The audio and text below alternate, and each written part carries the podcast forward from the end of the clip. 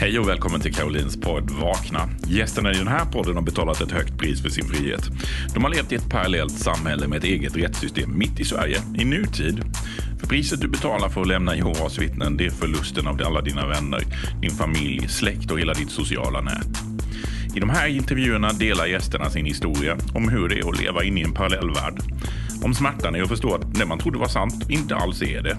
Och om hur du överlever en social misshandel som kanske skulle kunna ha kostat dig livet. De berättar om vad som väckte dem och hur de har lyckats skaffa sig ett nytt och friskt liv. Du som håller på att vakna kommer att känna igen dig. Du som inte hade en aning om företeelsen kommer att förvånas. Det är dags att vakna med Caroline och gäster.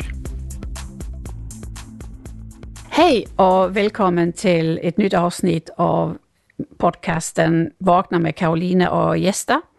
Idag har vi Lotta Mörling på besök som är en kvinna från Norrköping som kontaktade mig för att hon tycker psykisk ohälsa är ett ämne som bör lyftas ytterligare i de här sammanhang.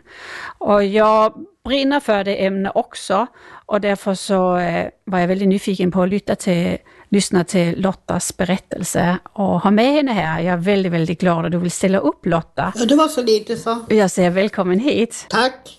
Lotta, om, eh, om du vill berätta lite mer om, vem är du? Nu sa jag bara Lotta från Norrköping. Eh, Norrtälje. Vem är du med? Norrtälje. Aj. Men det var bra också. Men du hör, det, här, det här är en dansk som har flyttat till Skåne som inte vet någonting om Sverige. Ja, jag förstår det. Jag förstår att det är det. Ja. Nej, men jag är 56 år, bor i Norrtälje. Eh, ensamstående med en, med en katt som betyder väldigt mycket för mig. Och eh, mm. jag vad jag gör idag, jag, jag eh, håller på att bryta tystnaden i, i psykisk ohälsa och incest och sådana jobbiga ämnen som jag har varit med om. För jag tycker att nu får det vara nog. Vi måste öppna våra mm. munnar nu. Och jag jobbar på ett LSS-boende. Jag är heltid. Ja. ja. Och håller mm. på mycket med healing och musik tycker jag är roligt och sådär. Ja. Så du är, du, kan säga att du är en ganska så engagerad kvinna. Du både jobbar heltid och engagerar i, eh, i de här ämnen psykisk ohälsa och incest. Ja. Hur, eh, på vilket sätt är du engagerad och lyfter de här frågorna? Jag har kontaktat, jag vet inte hur många incestföreningar, så jag har gjort en liten film som du såg bland annat. Ja. Så den har jag spridit mm. så över 2000 har sett och så skriver jag mycket texter och lägger ut på Facebookgrupper och och sprider så, mm. att, så att många får läsa mm. och ta del. Ja, ja. Eh, ofta är det ju det här med att lyfta ett ämne och våga göra det är ju en, ehm, är ju en stor, det ligger en stor helande kraft Precis. i det i sig ja, själv. det gör ju det. Jag har ju märkt att när man skriver att det hjälper mig jättemycket. Men även att, att ja. andra får ta del och man får reflektioner och folk som om man har det också känt så, oj, att det kan, att det kan vara till mm. hjälp och det är också jätteviktigt i lekandet för mig. Att jag också kan ja. känna mig bättre liksom. Ja, precis, stödja andra. Är det barn och ungdomar du koncentrerar dig på eller är det vuxna som du inriktar dig Nej, på? Nej, det, är, det är nog mest vuxna för jag, jag lägger ut mest på Facebook än så länge. Så. Ja, ja. Man måste ju börja någonstans. Men låt, man måste börja någonstans. Men det är jättebra, vad fint. Eh, jag hoppas ju många också, jag vet ju väldigt många lyssnar på den här podcast och eh, vi sprider ju den i många kanaler mm. också. Eh, så jag hoppas ju även att, att många kan hitta tröst genom eh, din berättelse här ja, hos mig. Ja, det hoppas jag med. Men låta berätta för mig, eh, Jehovas vittnen och du, hur kom du i kontakt med Jehovas vittnen? Är du växt upp som ett Nej, det har jag absolut inte gjort. Eh, det var faktiskt så att min mamma sa att hon hade börjat studera Bibeln med Jehovas vittnen. Och jag bodde i mm. lägenheten ovanför henne. Och jag var så, jag var så himla upprörd över att hon hade börjat studera med Jehovas vittnen. Jag sa det kan du inte göra. Det, det där är bara falska nyheter och du kan inte tro på det där. Så för att rädda min mamma så gick jag ner när det skulle vara sådana här studier. Men eh, det slutade ju då med att jag själv började studera. Att de övertygade mig. Så så kom jag i kontakt. Jag skulle rädda min mamma. Du skulle rädda din mamma och så blev, det, blev din mamma döpt någon gång. det blev hon inte. Förlåt att jag skrattar. Hon blev inte döpt men du blev.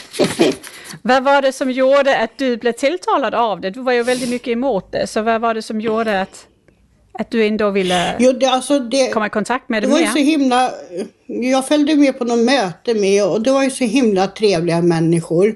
Och den här gemenskapen Mm. som, jag, som jag saknade, för jag var ganska ensam. Jag bodde på Mm. landet och var gay och där var på 80-talet, 90-talet där och jag var ganska ensam men så jag hade längtat efter den här gemenskapen som jag ursäkta mig, du, se, du var ensam för att du var gay och sen sökte du gemenskap hos Jehovas Ja. vittnen. Det måste, ju, det måste ju ha krockat big Jo, time. det, alltså det gjorde det och den främsta anledningen till att jag döpte mig sen, nu går jag lite i händelse, men det var just att min rädsla för döden. Jag var jätterädd för döden ända sedan jag var ett litet, litet barn. Alltså, jag kunde inte hantera, och där hade, hade Jehovas vittnen svaren att, men du behöver inte dö. Och jag bara, oj, wow, tänk att det är sant liksom. Ja.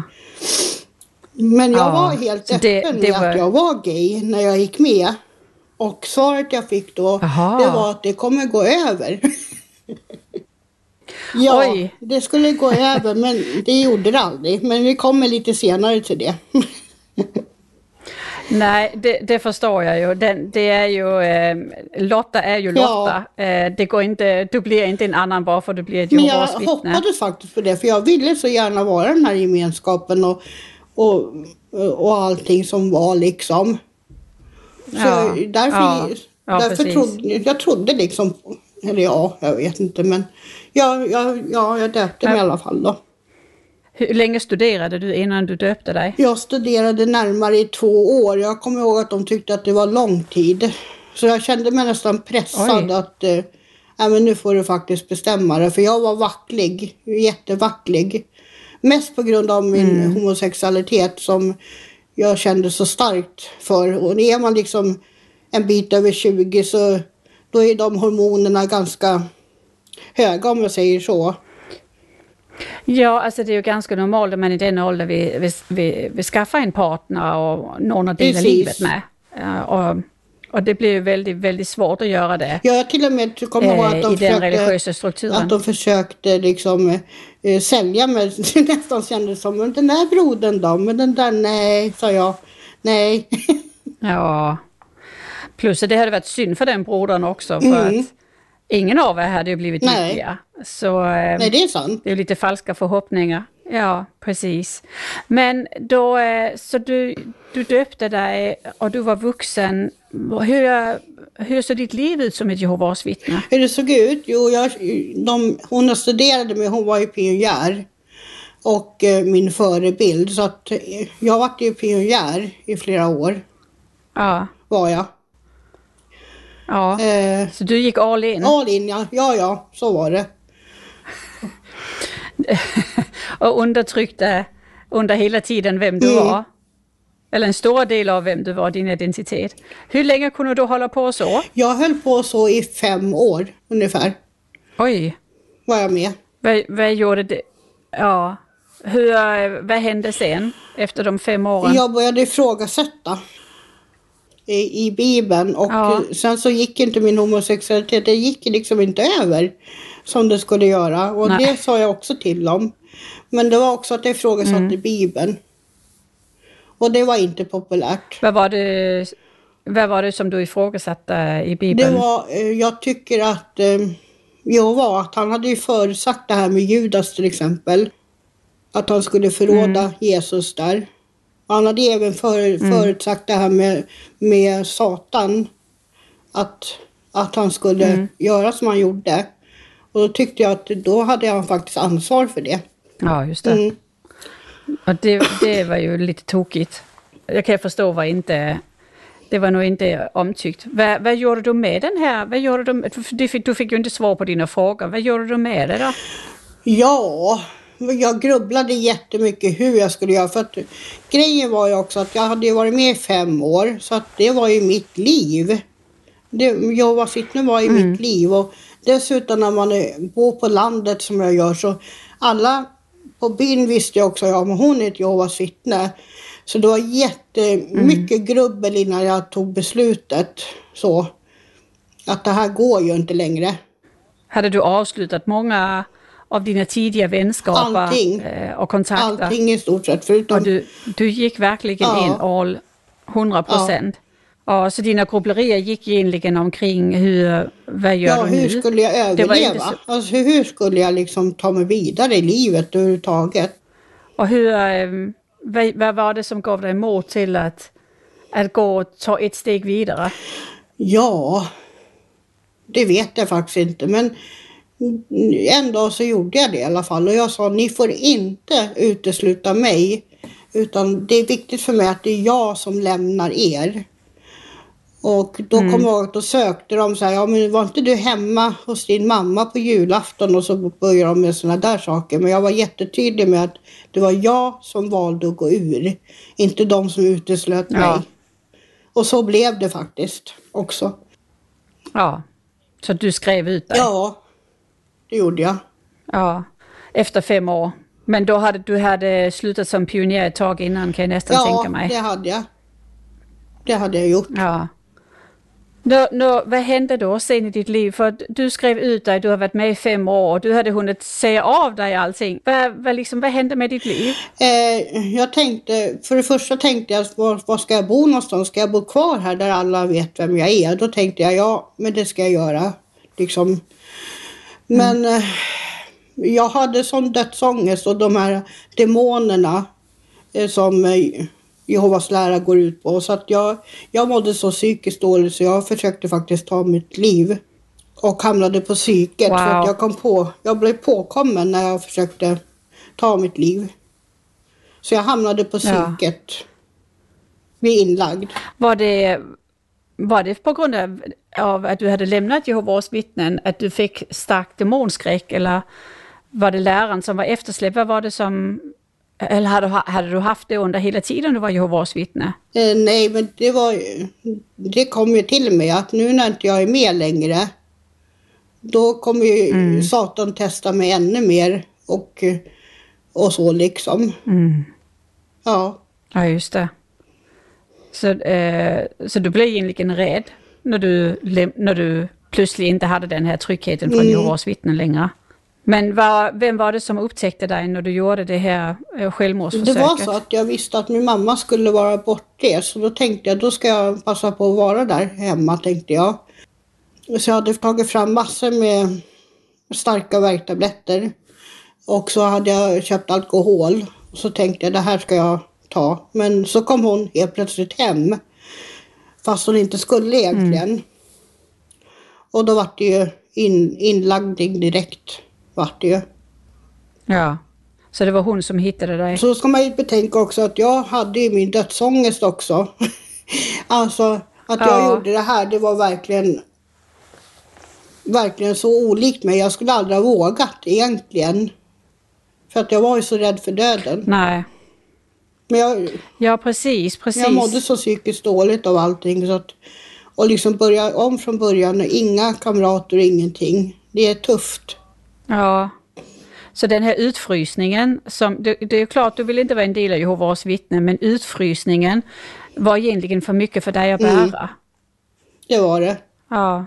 Det var jättehemskt, för sen, sen som jag säger, jag bodde i en ganska liten ort så att jag kunde liksom stöta på dem. Och det här har liksom varit mm. mina bästa vänner. Och de ska inte ens titta ja. på mig utan jag ska bara vara död. Det var liksom så himla... Ja ja, himla falskt allting. För att du egentligen bara var den Lotta som du hade varit hela ja, tiden. Du var precis. gay. Uh, det var, du var den du var. Du var ju väldigt ärlig omkring det när du kom i mm. kontakt med dem. Men uh, jag kan verkligen, verkligen relatera till svårigheten i att, att träffa sina nära och kära när man bor i samma ort. Jag har också mm. bott, jag flyttade från den lilla orten där jag blev utesluten. Jag bodde där i ett och ett halvt år men sen, sen flyttade jag. För det är för tufft mm. att, att få det här kastat upp Precis, i ansiktet varje gång man handlar. ingenting egentligen. Det som man, man trodde Nej. det, eller jag trodde det ändå någonstans att det här är att det här är kärlek. Men jag kommer ihåg också när jag, när jag kom med i församlingen att de var så glada att jag hade kommit med och all uppmärksamhet och, och så. För de hade ju aldrig haft någon som eh, vart döpt heller. Så det var himla mycket, Nej. jag var så himla omhändertagen. Och det var ju så ja. himla, det är så himla farligt när man gör så här. Ja. För sen kanske också du kände att den omhändertagande inte, den försvann efter ja. ett tag. Och då skulle du stå på Ja, speciellt när jag blev pionjär. Ja, ja. Då, ja, ja, det, där, ja. det var ju bara för att man skulle gå med kändes det ju som faktiskt. Mm. Det är ju den här lovebombing som man blir utsatt för, den känns ju väldigt, väldigt mm. härligt. Men, men jag tror också det är det som gör att det känns extra tufft när man sen lämnar religionen, att man upptäcker att jag var inte älskad för den Nej. jag var. Jag var älskad bara för det jag kunde prestera eller det jag kunde göra av insats i församlingen. Precis. Inte för, inte för någonting min annat. personlighet. Eller, nej, nej. Så, så det gjorde det gjorde så ont på dig att, äh, att det drev dig till självmord. Tyvärr så är, det ju, är du ju inte ensam om detta Lotta. Nej. Många eh, som jag har in på nära håll som har gjort två självmordsförsök Oj. efter uteslutningen. Eh, för det, han, han fixar Nej. inte det helt enkelt, han klarar inte det. Samtidigt så klarar han inte att leva upp till att bli återupptagen. Och jag tror ju inte heller det är det som är räddningen, Nej. men eh, det, är, det skär i hjärtat. Det skär i ja, hjärtat. Den här kalla, mäns, det här det omänskliga. Mm. Att utsätta en person med psykisk ohälsa för den här kalla utfrysningen. Men hur, eh, du fick ju då, du kom på psyket och du fick hjälp på psyket. Um, hur lång tid tog det för dig att komma på benen igen? Oj, det tog nog flera år känns det som. För att eh, mm. De här mardrömmarna, de hade jag under flera år efteråt. Om det här. Mm.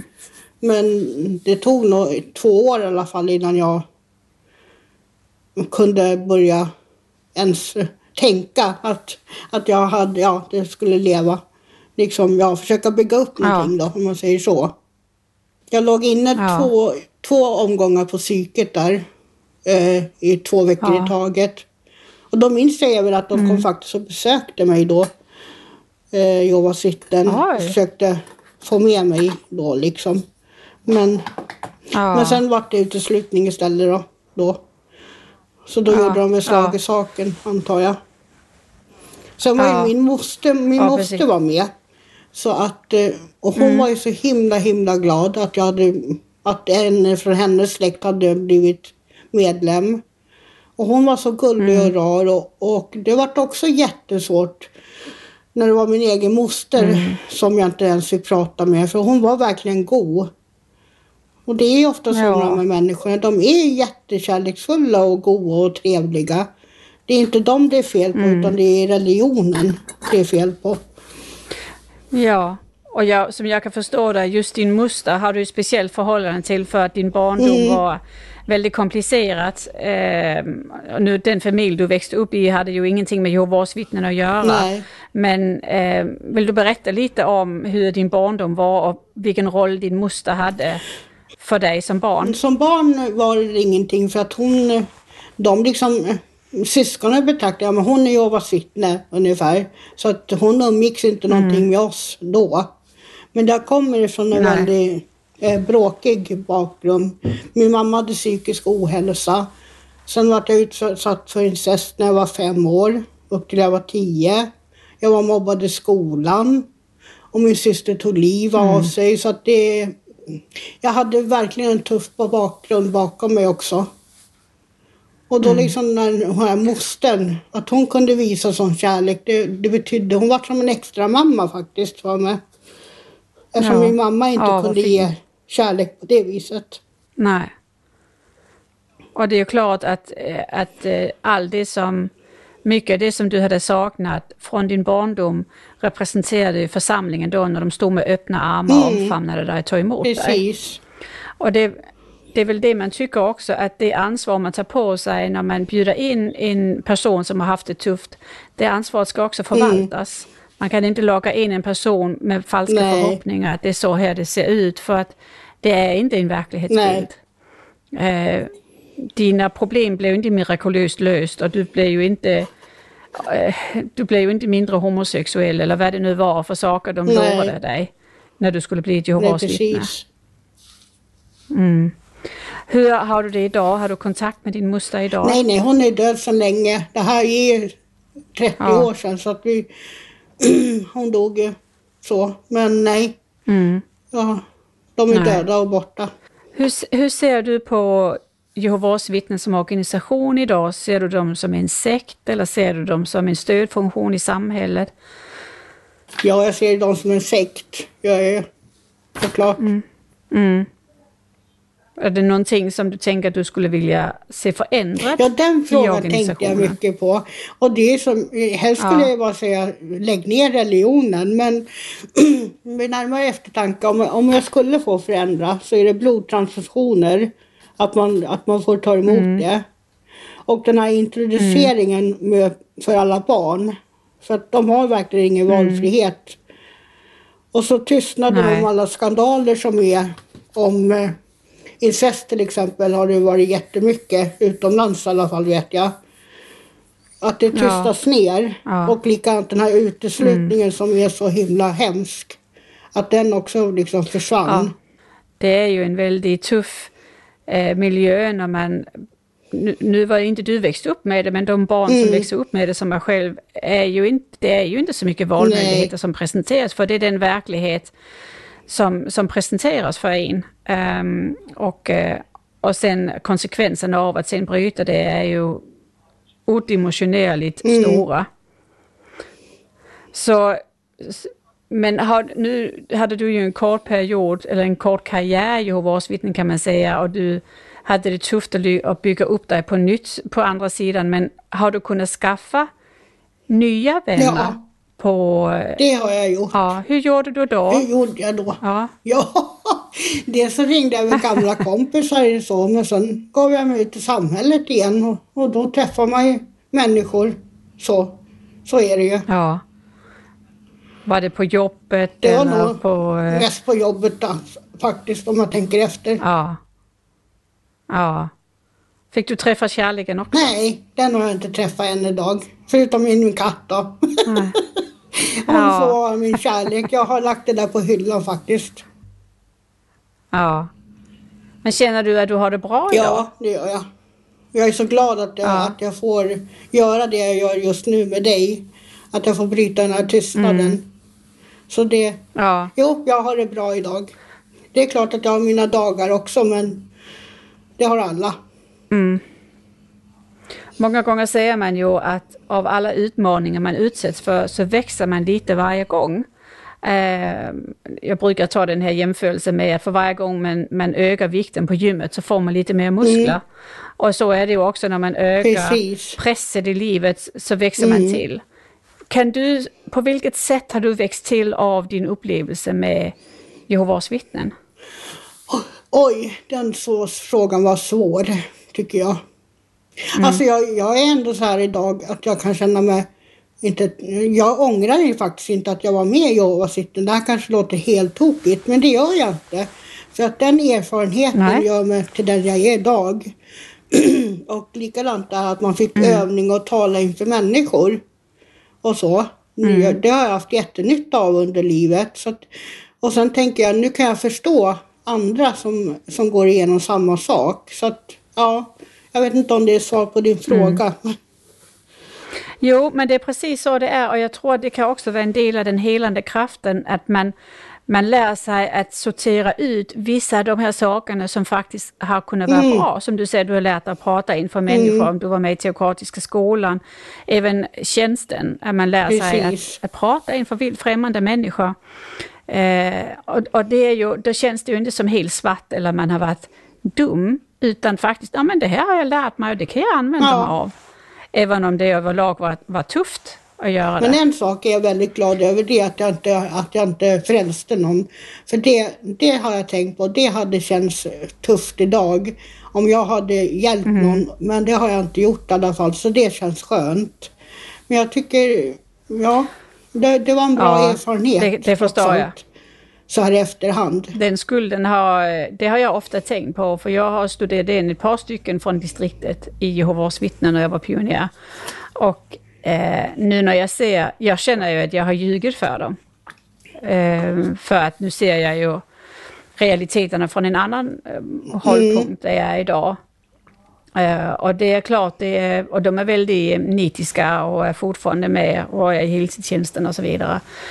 Eh, jag hoppas ju att de har ett bra liv. Ja. Det hoppas jag, men jag känner ju själv att jag har jag känner att jag har lurat Ja. dem. Samtidigt så var jag själv lurad. Men du var ju, ja precis, du kunde inte hjälpa det då för vi var hjärtvättade. Alltså Nej. i stort sett. Vi Ja. kunde inte hjälpa det men ja, jag förstår vilken jag känsla. gjorde samma med dem. Ja. Hjärntvättade Ja. dem. Eh, Rakt in i, i det. Men man hoppas ju att de också kan se det som någonting positivt i längden. Att de kanske växer eller lär sig någonting. Precis. eh, Det kan man inte styra på, över. på det också. Nej. Nej, nej.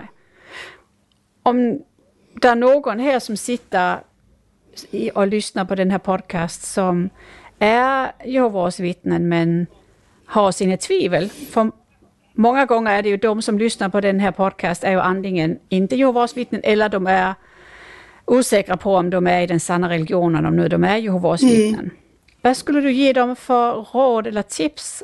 Är det klarar man att lämna? Du tog ju nästan livet av dig eh, i samband med, med din tvivel och, och den identitetskris när du skulle lämna. Jag vill inte ge så Ehm. mycket tips faktiskt. Jag tror att var och en av oss har sin resa. Att man, att man får gå in i sig själv och verkligen rannsaka sig själv och hitta svaret där. Mm. För att jag har inte svar på, på det. Utan det har man nog inom sig egentligen. Mm. Söka inåt. Man kan ju säga att, ja precis, det är väl, det är väl en jättebra råd att man går inåt och känner efter.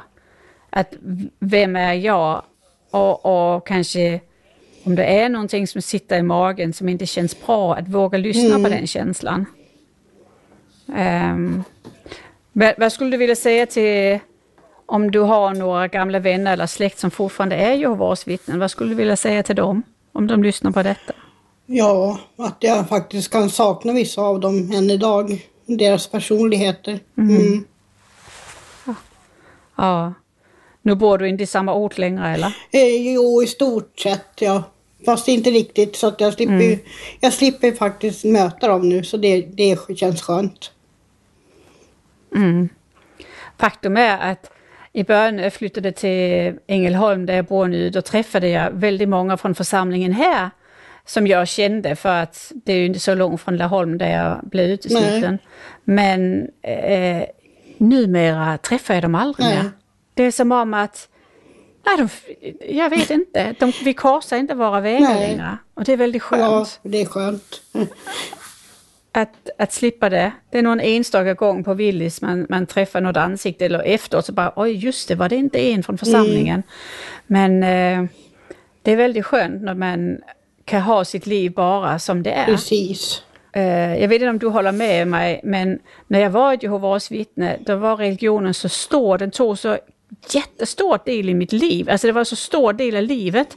Och när jag blev utesluten också för jag ville tillbaka, alltså var det jättestor del av livet. Men när jag vaknade och upptäckte att nej, men det här är ju inte sant.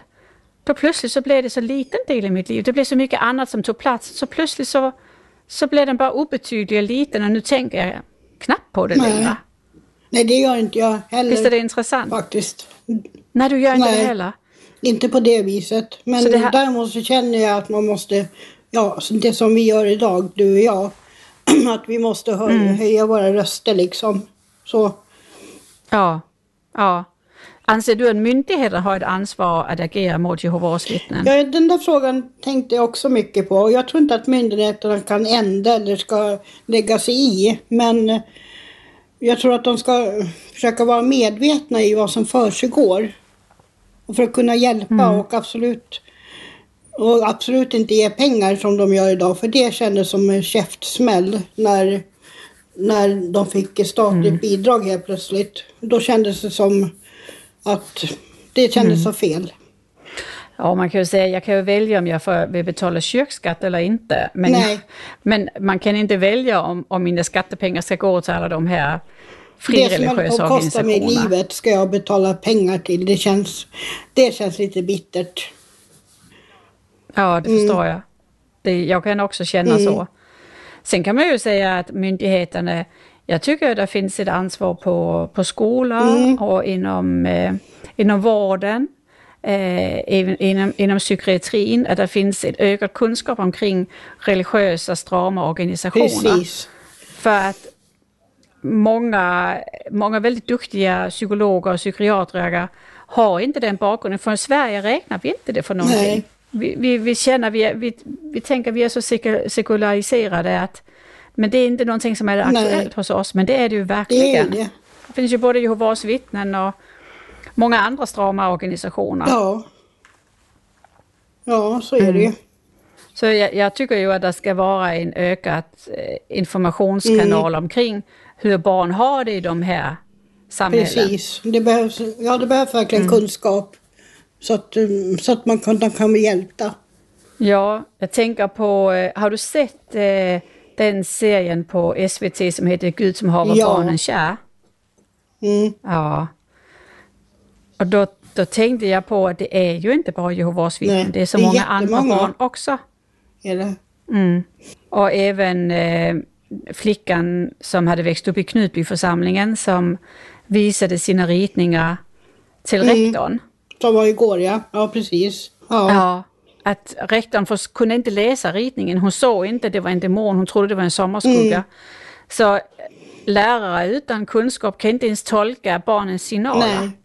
Och ja, men då kan ju barnen fråga om hjälp hur mycket som helst om inte lärarna kan fånga Nej. upp det och förstå det språket barnen använder. Eh, så det är väldigt svårt att hjälpa. Mm. Jo, så är det ju.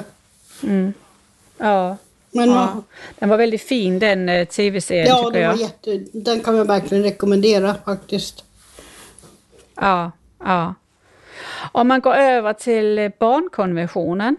Eh, anser du att Jehovas vittnen lever upp till barnkonventionen?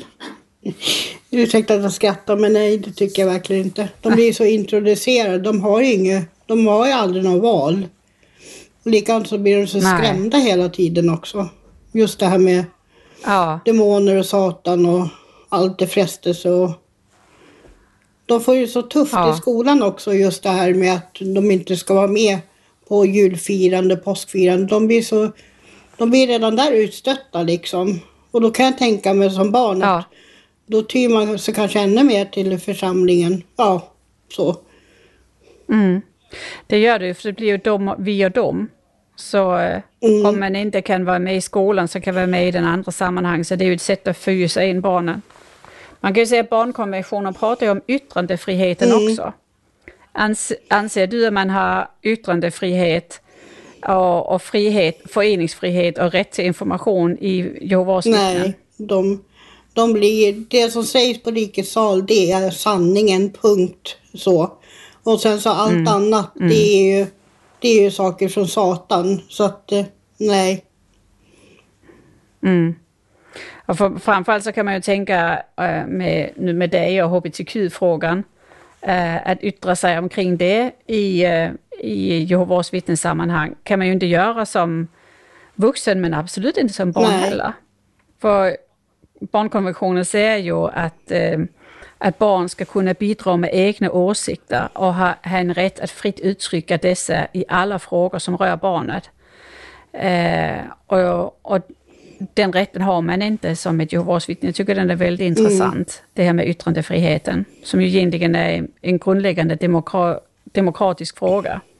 Det var någonting jag såg också att eh, Jehovas vittnes barn, de har mycket mindre lektid såg jag också någonting om att de hade fått fram. Mm. Ja, precis för att eh, man har räknat ut att det tar 940 timmar att vara barn till Jehovas vittnen. Mm. Det är en halvtidstjänst. Ja, Utöver de har skolan. Så man kan säga att ett barn till Jehovas vittnen är, är upptagen heltid. Först skola och sen att vara ett Jehovas Mm. vittne. Sen är det inte så mycket tid över till lek och fritid och Nej. sportaktiviteter. nej det är fruktansvärt. Ehm, ja, Så man har faktiskt rätt enligt barnkonventionen att vara barn. Ja. Att, ja, att leka. Mm. Ja, Lotta.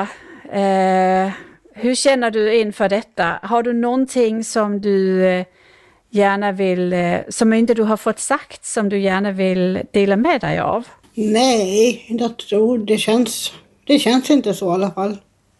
Jag tycker vi har pratat Nej. på ganska Nej. bra nu. ja, det tycker jag också vi har. Och vi har varit runt alla de här frågorna som vi diskuterade innan i vårt telefonsamtal. Mm. Jag blir väldigt, eh, jag blir väldigt glad när jag pratar med dig Lotta, för att dels så har du haft en, en väldigt tuff barndom och sen var du ju ett tacksamt offer för Jehovas vittnen att locka in. Mm. Och, eh, men du klarade att ta dig ut. Mm. Du klarade att skaffa ett eget liv och vara sann mot dig själv. Jag tycker det är jättebra gjort. Tack! Riktigt, riktigt Tack. bra. Riktigt, riktigt bra. Och du har, du har jobb och du är engagerad i de frågorna som, som betyder någonting för dig. Och det är väl det som, som betyder någonting i livet, att man känner att man kan påverka och göra ett avtryck. Mm. Och hjälpa. Jo, alltså jag blir tokig i huvudet när jag tänker på alla barn som får, får illa. Alltså en dag. Ja. Alltså, och, mm. och det får mig att mm. brinna ännu mer. liksom så. Ja, jag kommer att, när vi lägger ut den här på eh, Spotify, mm.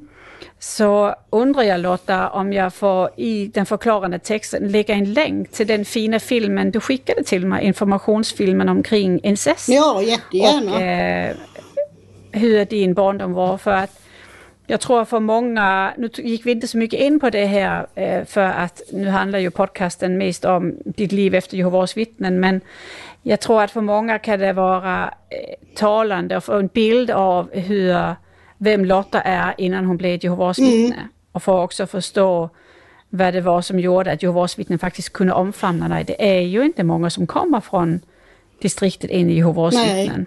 Nej, det är ju inte det. Nej. Det var det jag tänkte också, att Nej. jag kunde bidra med att jag är inte uppväxt i, i sanningen.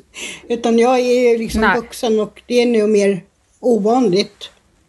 Så. Mm, det är väldigt, väldigt ovanligt. Vilket man förstår, för liksom, vem vill gå med i en så stram organisation när du har frihet på andra sidan här? Det måste vara någonting mm. väldigt speciellt som gör att man dras till det.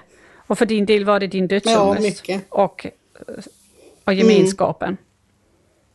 Men du, vill bara berätta, hur har det gått med din dödsångest? Ja, den försvann för cirka fyra år sedan.